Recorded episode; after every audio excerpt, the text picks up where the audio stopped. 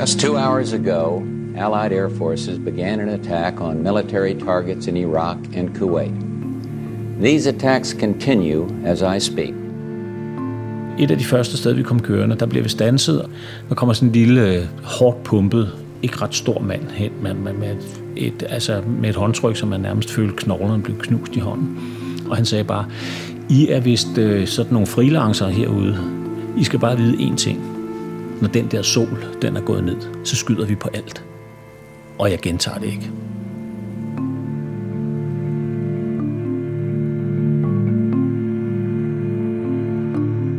I august 1990, der besætter Irak under ledelse af Saddam Hussein nabolandet Kuwait. Og det er ikke noget, resten af verden de er sønderligt imponeret over. Hurtigt der samles en koalition af lande med USA i spidsen, hvor også Danmark er med. Den 16. januar 1991, altså året efter, ja, der starter et bombardement og siden en invasion, som bliver en af de største siden 2. verdenskrig. Mit navn er Emil Ryge, og det, der følger her, det er historien om en dansk fotografs oplevelser under golfkrigen. Men det er mere end det, for det er også en fortælling om en særlig tid i den trygte presses historie, som for de af os, som er uddannede fotojournalister et par årtier senere, nu fremstår som noget nærmest mytisk. Vi har efterhånden i mange år talt om krise i avisbranchen. Oplagene er presset, og derfor er økonomien det også, også selvom der er postet millioner i digital satsninger for at vende den udvikling. Det har været sådan længe, og man kan godt nogle gange tro, at det altid har set sådan ud. Men der var en gang, hvor det gik godt, faktisk rigtig godt.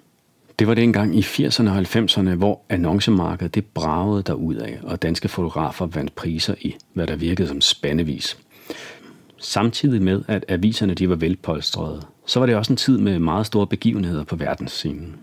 Der var krig både på Balkan, i Kongo, i Tjetjenien og så selvfølgelig ikke mindst i golfen.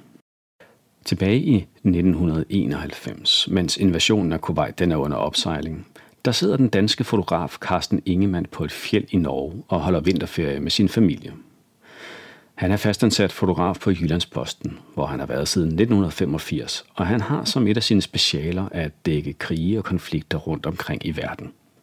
Det gør han ofte sammen med Erik Tumle, som er journalist på avisen. Ingemann og Tumle, ja, de har faktisk allerede før, altså i 1990, været i Saudi-Arabien for at berette om konflikten.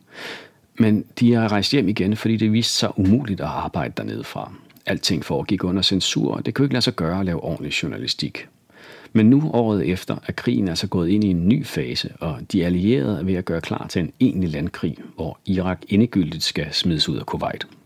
Og så er det tid til at komme afsted igen. Og jeg kan, jeg kan huske, at jeg øh, udskyder hele tiden vores afgang, fordi åh, jeg har vinterferie, jeg skulle have det til at passe med familien og sådan noget. Så det ender med, at øh, jeg fra min vinterferie, der må jeg tage der må jeg tage en taxa op fra et eller andet fjeld op i Norge og ned til lufthavnen i Fornebu, og så flyve via London til Saudi-Arabien, og så mødes med øh, Erik Tumne i Saudi-Arabien. Men jeg havde forberedt mig på det, så jeg havde alt mit gear med. Som nævnt, så skal man prøve at forstå, at en enkelt ting var radikalt anderledes i avisbranchen i 80'erne og 90'erne. Dengang der gik det rigtig godt. Vi er i en tid før Facebook og Google, som i dag har slugt stort set alle de annoncekroner, som dengang tilfaldt aviserne. Da jeg begyndte på Jyllandsposten i, øh, i 1985, der var oplaget absolut stigende. Det var, det var på vej til at blive Danmarks største avis. Da det så bliver Danmarks største avis, fordi vi overhaler Berlingske, så er der indkaldt til sådan et møde hen i det, der hedder Aurora-salen. Og der er Asger Nørgaard Larsen er redaktør. Han øh, siger med stolthed, at nu har vi overhalet Berlingske. Og øh, så sagde han samtidig, at det næste store mål, det var, at vi nåede op i nærheden af et oplag over 300.000.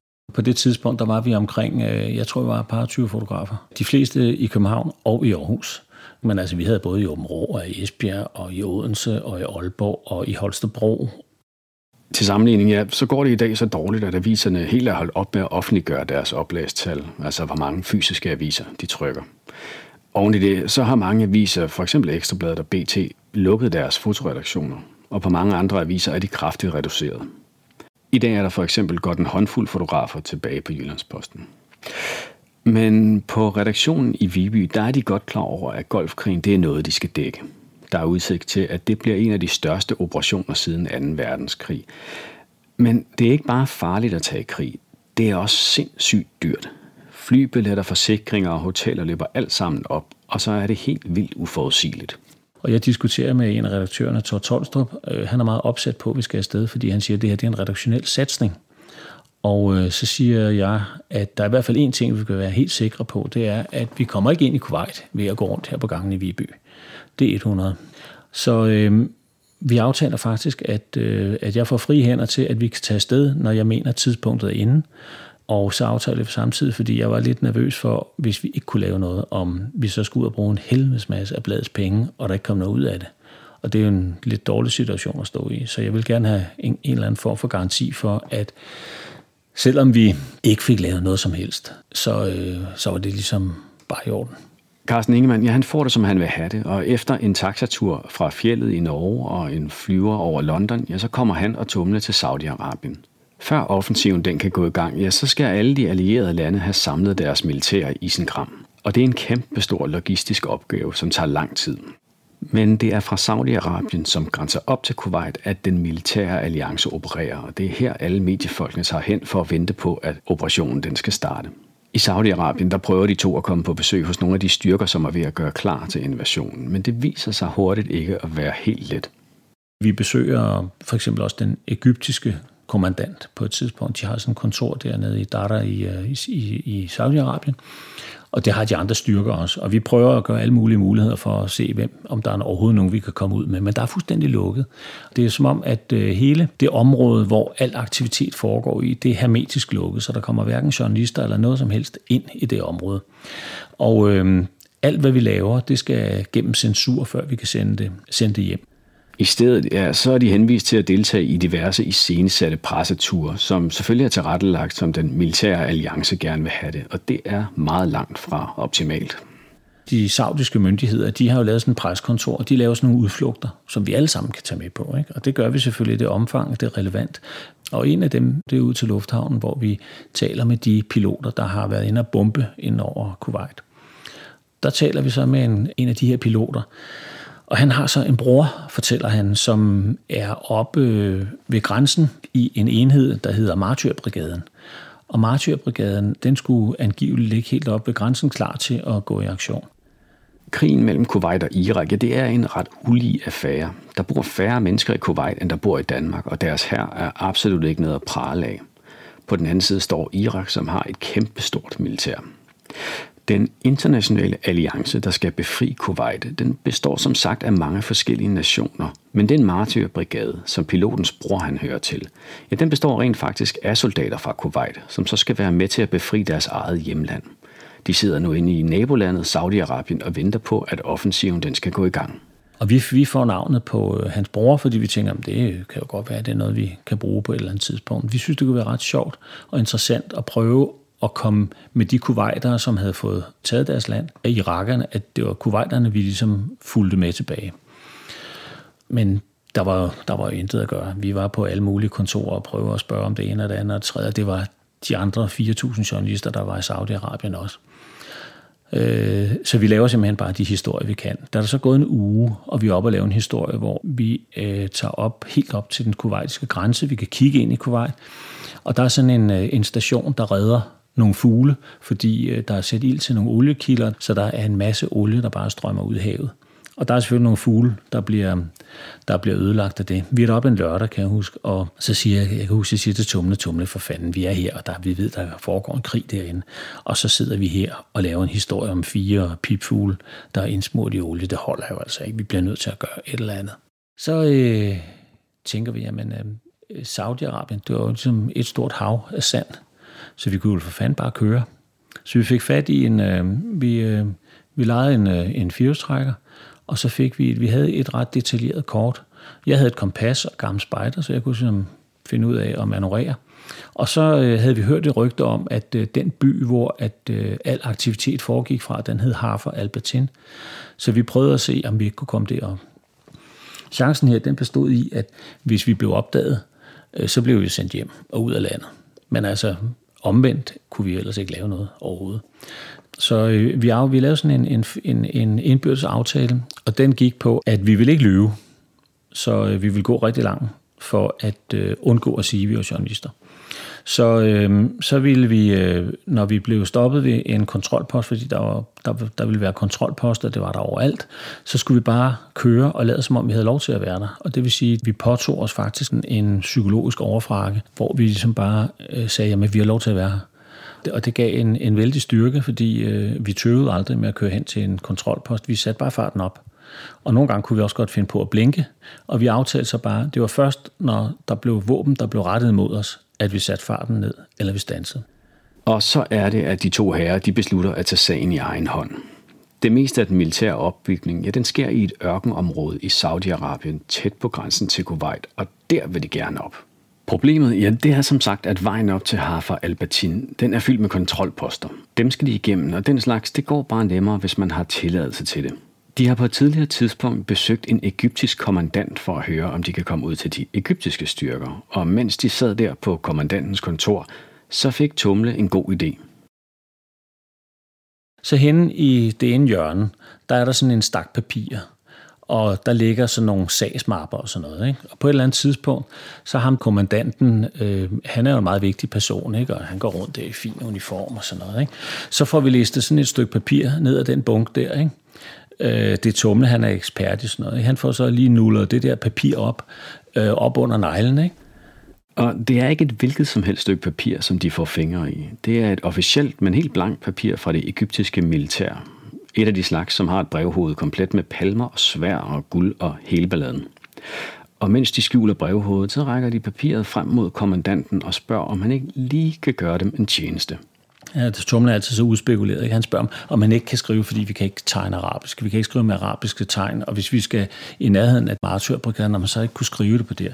Så det der, som i virkeligheden er hans eget brevpapir, hvor vi bare har skjult øh, hele brevhovedet, det der med guld og sabler osv., osv., der skriver han så martyrbrigaden øh, og navnet på den her kommandant. Ikke? Og så havde vi et stykke papir, og det så meget officielt ud, fordi der, det var hverken dateret eller noget, det var pisse ligegyldigt. Altså, det var nok til at imponere øh, ved de her kontrolposter, og når vi så kom til en kontrolpost, så kunne vi lige tage det der stykke papir frem, at vi er på vej op til op den her martyrbrigade. Det kan du se, det står selv der. Ikke? Og er det ikke den vej? Og så pegede vi bare den vej. Og det var de, de stod og nikkede og var hjælpsomme og åbnede bommen, og vi kunne køre. Med det papir i hånden, ja, så lykkedes det dem at komme til Harber Albertin. De er altså stadig i Saudi-Arabien, men nu i det område tæt på grænsen til Kuwait, hvor tropperne de samles, og samtidig i et område, hvor der ikke burde være en hel masse journalister. I den by, der finder de et hotel, og så gælder det ellers om at finde nogle styrker, de kan besøge. Inden vi skal med Karsten og tumle videre mod Kuwait, ja, så har Karsten Ingemann en anden, lidt mere lavpraktisk udfordring, som der også skal tage stilling til. Det er måske svært sådan helt at forstå i dag, men bare det at få et billede hjem til en redaktion i Viby, når du står i en ørken i Saudi-Arabien, det var dengang en kæmpe bedrift. Man skal huske, at vi er i 1991. Det var altså før digitalkameraernes tid, og alting bliver stadig skudt på gode gammeldags film. Det betyder, at der skal fremkaldes i marken, og så skal negativerne digitaliseres og sendes. Jeg plejede at rejse afsted på sådan en reportage med en 40-50 film, og det havde jeg også ved den her lejlighed. Og så øhm, et lille mørkkammer, og mit mørkkammer, det var sådan en lille gul øh, plastikkuffert, og den bestod af en lille øh, fremkalderdåse. Der kunne være to spiraler til 35 mm film. Der kunne jeg så fremkalde fire film ad gangen, fordi jeg lagde dem altid ryg mod ryg. Og jeg skulle helst ikke på en dag fotografere mere end fire film, fordi det var noget råd at skulle til at fremkalde en gang til, fordi det tog rigtig lang tid at tørre de der spiraler. Og hvis ikke de var helt tørre, så kom der pletter på filmene. Skulle der være en enkelt lytter her iblandt, som aldrig har fotograferet på film, så kan jeg oplyse, at der i udgangspunktet er 36 billeder på sådan en film. Det er den slags helt almindelige film, som man havde med på charterferie før digitalkameraets tid. Ganger du de 36 med fire film, ja, så har du 144 eksponeringer. Det er altså, hvad du kan boldre dig på over en hel dag. Til sammenligning, så kan du i dag for nærmest ingen penge købe et moderne hukommelseskort, som som regel kan ligge på en tommelfingernegl, og hvor der kan være et næsten uendeligt antal billeder. Men udfordringerne, ja, de stopper selvfølgelig langt fra her.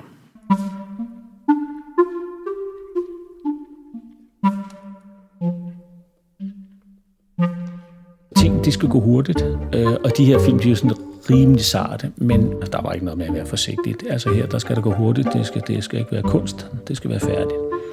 Og de blev dyppet i sprit og sat en tændstik til, så var den film tør. Og så kunne jeg tage, klippe de negative ud, jeg skulle bruge, og dem kom jeg så ned i en øh, negativ sender. Det var sådan en øh, stålkuffert, og den, øh, den skulle man ligesom vippe op og åbne, og så åbnede man en lille skærm, så kom der en lille skærm op, så satte man strøm til den. Og så det, der var trækket, og det, der altid var det vanskelige, når man rejste de her steder, det var, at man skulle have en øh, landlinje, altså en telefonlandlinje. Og det vil sige, hver eneste gang jeg kom ind på et hotelværelse eller et eller andet sted, hvor der var en telefon, så skulle jeg hen i telefonstikket, og det skulle jeg skille med, jeg havde sådan et skruetrækkersæt med, og så havde jeg en lighter, fordi så skulle jeg altid ind og finde de ledninger, jeg skulle bruge, og så plejede jeg altid bare lige at tage en lighter, og så lige sætte ild til de ledninger, jeg skulle bruge. Det var som regel den brune og den hvide, men nogle gange så var det et mareridt af ledninger derinde. Og så havde sådan nogle krokodillenæb, dem satte jeg så på de der ledninger, og så skulle jeg så på maskinen her, så skulle jeg kalde et bestemt nummer op, hjemme på redaktionen, og det var den maskine, som var modtageren, som, som tog det der signal. Det vil sige, maskinen den læste det mørke og de lyse felter og lavede det om til lyd. Og det lød sådan... Og sådan gik det i syv minutter, så var der sendt en separation. Øh, og der skulle sendes tre separationer, øh, når du skulle sende et farvebillede. Hvis der var støj på linjen, så kom der striber i billedet. Og det gjorde det altså ret tit. Og nogle gange så var man nødt til at sende noget om. Så er det alligevel noget nemmere med en MacBook og et digital kamera.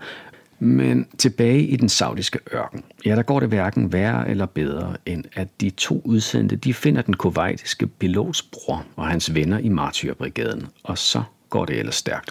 Så øh, fik vi kontakt med de kuwaitiske enheder, altså Martyrbrigaden. Og det var altså en fantastisk historie, fordi ja, det var som Asterix og de, og de gale galler. De havde en politibil, altså en blå-hvid politibil med ude i ørkenen. Så havde de en gul øh, Caterpillar gravmaskine, og så havde de en stor lastvogn med sådan en åben container, og der havde de får, og, øh, og så nogle stribede telte. Der var ikke noget med camouflage-telte, nej, det lignede simpelthen sådan en cirkuslejr. De havde så også et par kampvogne, eller det var jo ikke engang kampvogne, for det var bare sådan nogle, hvad hedder det, øh, pansrede mandskabsvogne. Dem havde de to af. Og så havde de en lille, en eller anden lille en med et kanonrør på. Ikke? Og så var de alle sammen sådan nogle overvægtige øh, forstadsdrenge, som formentlig ikke kunne noget som helst i en krig. Det var ligesom Martyrbrigaden. Og øh, så havde vi jo talt med hans bror, der var pilot og sådan noget, ikke? og kunne fortælle ham om det, så vi blev jo perlevenner. Og øh, selvfølgelig på det tidspunkt, hvor der bliver givet grønt lys til, at nu starter krigen her, så er det Martyrbrigaden, vi kører med. Og så farer vi ind med dem dengang, der var sådan en sandvold, der ligesom øh, indikerede, at her begynder Kuwait. Ikke? Og så blev den der sandvold brudt, og så kører man igennem, og de kører den første kampvogn ud. Ikke? Alle mand inde i kampvognen, der bliver, lemmen bliver åbnet, de styrter ud af den og kysser sandet, fordi nu er de hjemme på kuwaitisk jord. Så farer de ellers afsted ind mod Kuwait City. Mens Martyrbrigaden de fortsætter fremad, så bliver Ingemann og Tumle nødt til at træffe en beslutning.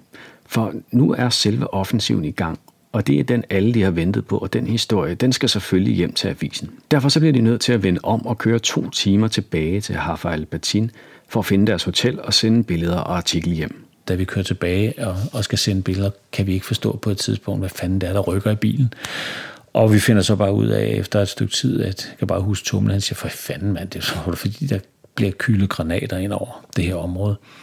Vi havde sådan noget sikkerhedsudstyr, vi havde sådan nogle gasmasker og noget. Ikke? Men altså, du kører en bil 150-60 km gennem ørkenen for fuld hammer for at komme tilbage, og du kan bare mærke, at øh, der kommer sådan en hulebump, ikke? og det er eksplosioner. Og vi tror jo, at vi bliver angrebet af giftgas, og øh, det er jo ikke nogen særlig rare tanker her. Fremrykningen mod hovedstaden Kuwait City, ja, den tager et par dage, hvor Karsten og Tumle de kører frem og tilbage hver dag fra frontlinjen og til deres hotel. Og så til sidst, ja, så når styrkerne frem til bygrænsen. Her venter de forgæves på ordre til at måtte rykke helt ind i byen. Da den ordre ikke kom, så kigger jeg Tumler og ja, vi kigger bare på uret, ikke? Og så tænker vi, jamen hvorfor fanden kører vi ikke bare? Fordi vi behøver ikke nødvendigvis at følges med dem her, fordi vi kører sgu da bare ind til, til den der Kuwait City, ikke? fordi vi vidste, at der var nogen, der var kommet ind fra de andre sider, men det var den kuwaitiske enhed og nogle af de andre enheder, de skulle vente på at køre ind. Sagen var, at vi vidste, at inde i Kuwait City, der var øh, omkring, jeg tror det var ni danskere, der havde været, øh, der, havde været der under hele øh, belejringen af Kuwait. Og øh, vi ville sgu egentlig godt finde ud af, hvad der var blevet af de ni danskere, om de var i live, eller hvad der var sket med dem. Og så var det samtidig en pisko historie. Og øh, det er jo igen der, hvor du som fotograf tænker, okay, der er en masse gode billeder, og nu skal vi lede efter en eller anden journalistisk historie. Nu går du glip af en masse gode billeder for at lave den her historie. Ikke? Men samlet set, så var det den rigtige historie, vi kørte efter så kører vi ind i byen, og så bliver vi modtaget, som om det er os, der er af byen. fordi øh, vi er nærmest den første bil, der kører ind i Kuwait City. Meget, meget, meget bizarre oplevelse. Og folk kommer og omfavner os og kysser os og råber og skriger og danser omkring vores bil og sådan noget. Og vi får så spurgt nogen, at vi leder efter nogle danskere og sådan noget. Og øh, vi spørger nogle flere steder, og pludselig så siger Nå, nogle tandlæger, var der så en, der sagde, ja. Og så fik vi vist hen, hvor der var en tandlægeklinik, og så kom vi derhen. Så kom vi hen til sådan et, et, øh, sådan compound, og så er der sådan en mand, øh, der bærer nogle poser ud, og han ligner sgu en dansker. Så sådan råber vi ham an, ikke? Så taler han kræfter med dansk. Så var det en af de der danske tandlæger, som øh, var kommet tilbage til sin lejlighed, hvor der ikke havde været strøm på i lang tid, og der stank, som I drømmer ikke om det, fordi forestil dig, at der ikke havde været strøm på en, en, en fryser i 30 dage, og så bærer døde gris ud af, af en fryser, ikke? Hold kæft, hvor det stank. Og øh, så viste det sig, at øh, jamen, de der danskere, de havde holdt sammen. Og øh, de var der alle sammen. Og øh, vi lavede selvfølgelig den historie med de der danskere. Ikke? Det er en rigtig god historie, den med danskerne, men der er ikke rigtig en historie, hvis den ikke kommer frem til redaktionen. Det er ved at blive mørkt, og vejen tilbage til Hafa Albertin, den går gennem et syrisk kontrolleret område, som de er blevet advaret mod at krydse i mørke. Det var ham herren, vi mødte i indledningen af episoden. For at undgå det, ja, så vælger de i stedet at køre mod det område i Saudi-Arabien, hvor de tidligere lavede historien om de olieindsmorte fugle. Det betyder, at de illegale skal krydse en ny grænseovergang tilbage ind i Saudi-Arabien. Vi beregnede, at vi kunne være der cirka kl. 8 om aftenen. Det var lige præcis det, vi skulle, hvis vi skulle nå at sende de her billeder hjem. Der var ikke andre, der kunne have sendt billeder hjem på det tidspunkt, men Kuwait var altså befriet. Det var en stor historie. Jeg var udmattet til det yderste, fordi hver eneste dag havde været meget, meget lidt søvn. Vi havde kørt rigtig, rigtig meget. Tumlen har ikke kørekort, så jeg var den eneste, der kunne sidde og rette. Så skal vi ned og krydse grænsen ind til Saudi-Arabien. Altså jeg vidste godt, det var noget en udfordring, fordi hvordan fanden kunne det lige lade sig gøre, fordi vi skulle så forklare, hvordan vi var kommet ind i Kuwait, og hvordan vi kunne komme ud. Vi måtte simpelthen vente på en eller anden mulighed. Så kom der sådan en, øh, en lastvognskonvoj, som havde været inde og aflevere nogle kampvogne. Og øh, de kørte op til grænsen, så tænkte vi, okay, vi må lægge os i slipstrømmen på den her kolonne. Det gjorde vi så. Og så satte jeg, hvad hedder det, den der Toyota Land Cruiser i reduktionsgear og spær og hele lortet på. Og så lå jeg og kørte på siden af dem, og der var noget hegn, der var noget alt muligt lort, jeg måtte køre over. Ikke? Men det var den eneste chance, vi havde, det var sådan en grøft, vi nærmest kørte i. Så kørte vi lige så stille igennem en grøft. Det var altså et, så vi kom igennem en, så holdt de stille der, vi måtte holde stille. Så begyndte den der konvoj at bevæge sig igen, kørte gennem den næste kontrolpost. Og den her bil, den lå der i den der grøft, og det knirkede, og det knagede, vi kørte over sten og stål og alt muligt andet lort. Og pludselig, så er vi kraftet med igennem. Så er vi altså i Saudi-Arabien igen. Fedt. Fantastisk. Så skulle vi bare videre. Nu skulle vi bare ned til, til det der hotel, vi vidste, der var der fra sidst, men vi havde et par timers kørsel derned, og vi kørte, og jeg var nødt til simpelthen at holde ind til siden, fordi jeg faldt i søvn simpelthen, ikke? fuldstændig udmattet. Så tumlede min øh, rejsmarker der, som jeg ikke køre kort, men han kunne altid finde på noget. Vi holdt et sted ved sådan en, øh, et eller andet, der var noget kafeteria, der var holdt nogle lastbiler, der holdt nogle militærbiler og sådan noget. Så kommer kraften med en amerikansk soldat. Nå, men jeg hyrer ham her, Carsten. Han kan køre. Han vil gerne med derned til. Det er fint. Hvordan kommer så tilbage? Jamen, vi, han har fået nogle penge til at tilbage. Okay, fint. Så kørte vi dernede. Så kørte han bilen, og lige snart vi var dernede, op og fremkaldt film. Ring hjem til avisen. Så kan jeg huske, der Mogens Hansen, en på udlandsredaktionen, der sad der og sagde, ja, AP har snydt os, der er ikke kommet nogen billeder ud overhovedet. Så siger jeg, det kan jeg godt fortælle dig, hvorfor. Fordi der er ikke nogen billeder, der, der er kommet ud. Så det her, det er the one and only. En dag i 2006, ja, der træder jeg selv ind på Jyllandspostens redaktion i Viby, lidt uden for Aarhus. Her skal jeg være i praktik som fotojournalist og får sammen med alle de andre praktikanter en rundvisning i det kæmpe store hus. Da vi når til fotoredaktionen, så sidder der over i hjørnet en velklædt mand, som mest af alt måske ligner en revisor, som kigger op fra sin computer, mens han sagte siger, så er der nyt kvæg på græs. Det var ingen ringere end Carsten Ingemann, som har fortsat sit arbejde på Jyllandsposten med at dække både stort og småt i ind- og udland. Den fornøjelse den blev desværre lidt kort, for ikke længe efter jeg startede på redaktionen, så tog Carsten mod en aftrædelsesordning, da avisen stod midt i endnu en fyringsrunde. I de år, som var gået mellem golfkrigens afslutning og Carstens afgang, der har branchen som sagt ændret sig ret voldsomt. Annoncekronerne er i høj grad forsvundet, og dagbladene, ja, de har fået vendet folk til, at nyheder det er noget, man finder gratis på internettet. Derfor så bliver mulighederne for at lave den form for fotojournalistik fra verdens brandpunkter, som Carsten han er så god til, også hele tiden dårligere så kommer de her forandringer, ikke? og vi kan se, at øh, hele annoncemarkedet det falder væk med digitalisering og, og med, med, hvad der kommer af forskellige platforme. Så øh, vi prøver jo, øh, hvad man kan, ikke? og det vil sige, når man begynder at lave besparelser, og, og, så bliver det heller ikke så sjovt længere, når det er hver gang noget med penge, der skal ligesom afgøre, om det her det er væsentligt eller ikke væsentligt.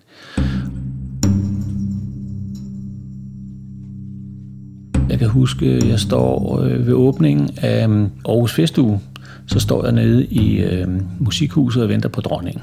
Og der er sat nogle afspærringer op. Så kommer der en 25-årig politimand ikke? og hun så med mig.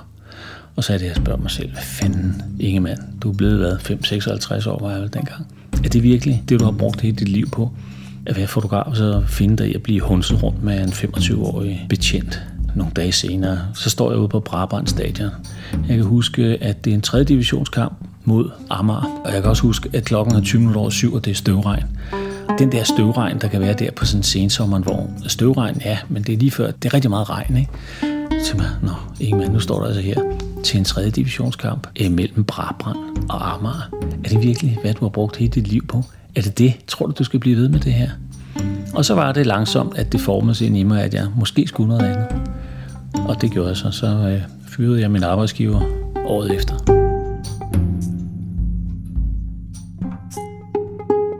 Interviewet med Carsten Ingemann er optaget i 2018 i en dyb lædersofa hjemme på Carstens landsted lidt uden for Aarhus.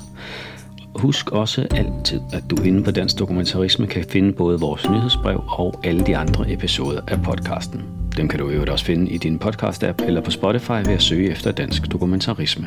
Og så en lille bøn, for hvis du kan lide det, du hører, så må du meget gerne dele det med venner eller familie, eller eventuelt på diverse sociale medier. Det vil vi sætte stor pris på. Episoden her den er optaget, klippet og spikket af mig. Jeg hedder Emil Ryge. Musikken er Blue Dot Sessions. Tak fordi du lyttede med.